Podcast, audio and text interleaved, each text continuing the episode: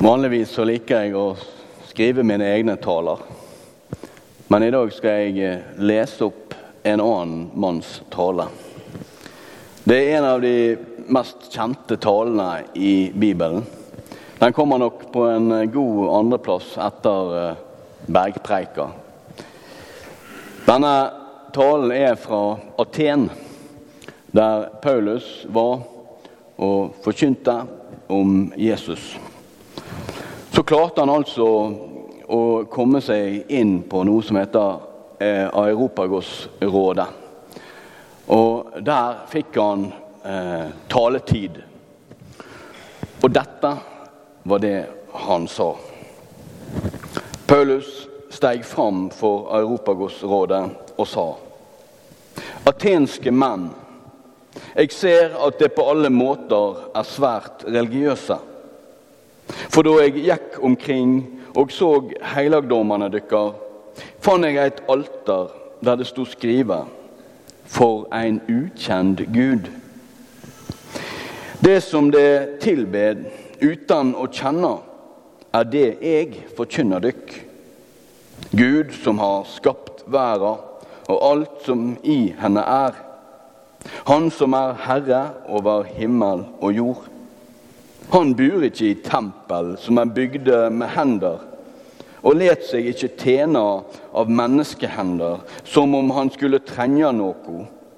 Han som gjev liv og ande, ja, alt til alle. Av ett menneske har han skapt alle folkeslag. Han let dei bosette seg over hele jorda, og han sette faste tider for dem og grenser mellom bostadene deres. Det gjorde han for at de skulle søke Gud. Om det kunne lykkes for dem å lete seg fram til han og finne han. Han er da ikke langt borte fra en eneste en av oss.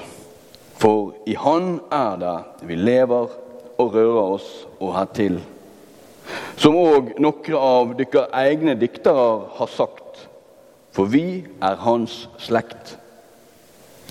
Er vi da Guds slekt, må vi ikke tro at guddommen likner et bilde av gull eller sølv eller av stein som menneskekunst eller mennesketanke har forma. Gud har båret over med de tidene da folk var uvitende. Men nå byr han at alle mennesker, hver de så er, skal vende om. For han har fastsatt en dag da han vil dømme verden med rettferd. Og til det har han innsett én mann. Det har han stadfest for alle med å reise han opp fra de døde. Men da de hørte om oppståda fra de døde, var det somme som spotta. Men andre sa, vi hører deg gjerne tale mer om dette en annen gang. Så gikk Paulus fra dem. Men det var noen som holdt seg til han og kom til tru. Mellom dem var Dionysios fra Europagårdsrådet og ei kvinne som heter Damaris, og noen andre. Slik lyder Herrens ord. Paulus får altså én sjanse. Han får lov å komme fram for et viktig råd i Hellas. Og han snakker til et folk med tung kultur. I århundrer har de drevet med filosofi. Og de har fått fram storheter som Platon og ja, jeg vet ikke hva. Og disse, denne atenske og, og helenistiske kulturen de hadde mangfoldig av guder. Men de hadde et sånt eh, litt sånn tilbakelent forhold til dem. De tenkte at det var guder for forskjellige ting, men de var, de var liksom eh, langt unna. Gudene de styrte med sitt. Og så eh, For å være på den sikre siden så gjorde de som de hadde lært De ofret til disse gudene. Og Det er jo eh, fantastisk å se hvordan de har sikret seg. Ja, for det, det kan jo være en, en gud som vi ikke kjenner til. Så da lager vi et alter for den òg, sånn at vi kan ofre til den guden òg, for sikkerhets skyld. De hadde kanskje et, et, syn på ting som var litt sånn eh, Ja Kan settes på to, to ulike båser. Det å tilbe en ukjent gud kan være et uttrykk for avstand. Jeg tilber noe for sikkerhets skyld, og så lar jeg det bare være. Eh, det blir ikke en nærhet i det forholdet. Men så kan du ha et annet syn på det. Litt mer sånn positivt, søkende. Ja, kanskje det er noe mer der ute. Kanskje det er noe større der ute. Så det vil jeg ofre til. Kanskje det kan skje noe mer.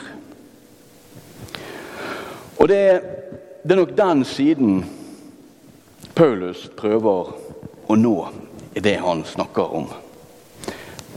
Paulus han tar et steg ned til atenerne, sånn som vi har lært fra vår Herre sjøl. Han tok et steg fra sitt høye og ned til oss. Han eh, ble som oss.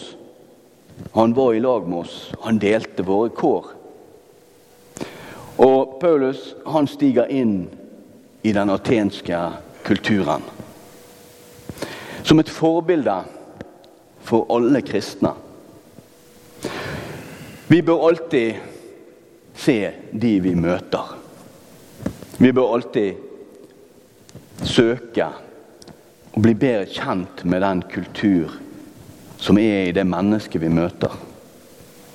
Hva er, hva, hva, hvordan er ditt liv? Hva er du opptatt av?